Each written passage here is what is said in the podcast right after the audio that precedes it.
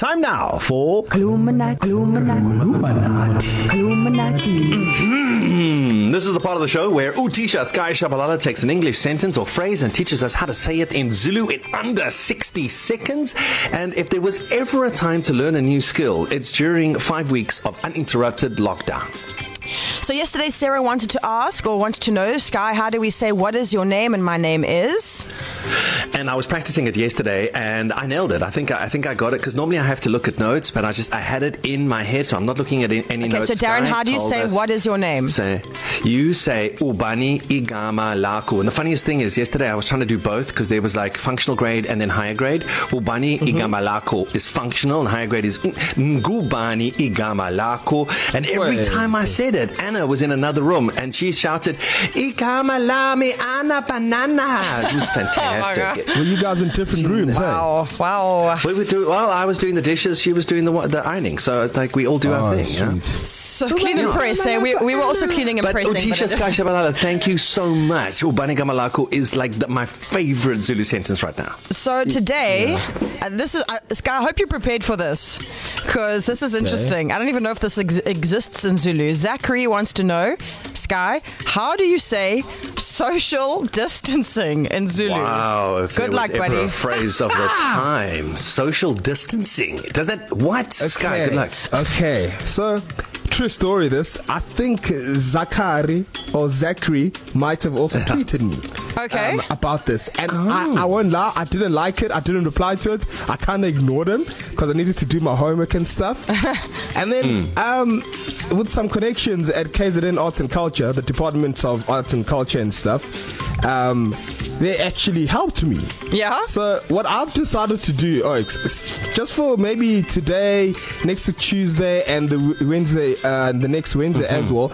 I'm gonna try get words like what's quarantine in Zulu, what's lockdown okay. in Zulu, what's self isolation like in Zulu. I okay, like so I'm gonna try it. get those words. Okay. So today was social distancing in yeah. Zulu. Mm-hmm.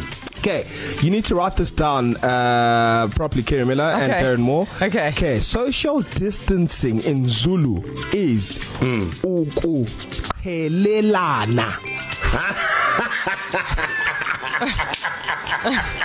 ukuqhelelana. I'm just gonna live on my own. It's fine. I'm just gonna move into. I'm, I won't leave the room. That's it. Ukuqhelelana. Ukuqhelelana. Sky. One more time. qhelelana ukuqhelelana u k u qhelelana l e l a n a. And the funny thing is qhelelana qhelelana qhelelana he ukuqhelelana ukuqhelelana Mhm. And just quickly, Was I close? let me break let, let me break down the word here. When someone says qhela, yeah, they mm. it's, it's the same as get out the way, move, get out the way. Qhela lo. Yeah.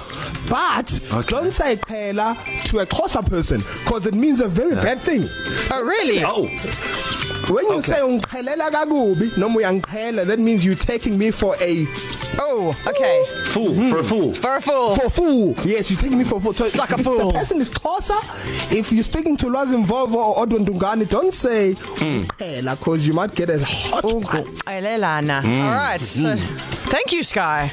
That was amazing. 100%. Okay. Next week we're going to do so quarantine social distancing. lockdown. So yeah. if if I need to go pick up my script from uh, um, uh, from the chemist, I'm at Dischem and I'm picking mm-hmm. up my prescription, and the person standing way too close behind me, I'll just turn around and say, "Askis, ugu qhelelana." Yeah, if you say uh, yeah, uh, askis uqhelelana please. You, yeah, we kind of get what you're saying. Yeah. Social distancing please. Okay. Yes, 100%. Yeah. Yes. Yes. Fantastic. Yes. What a time to be learning as well. Listen, you can catch up on every previous episode of Kulumanati. Utisha Sky Shabalala will teach you a sentence, a Zulu sentence or phrase in under 60 seconds. And if there was ever a time to learn a new skill, it's now during lockdown. They're all available on the website ecr.co.za. Click on East Coast Breakfast.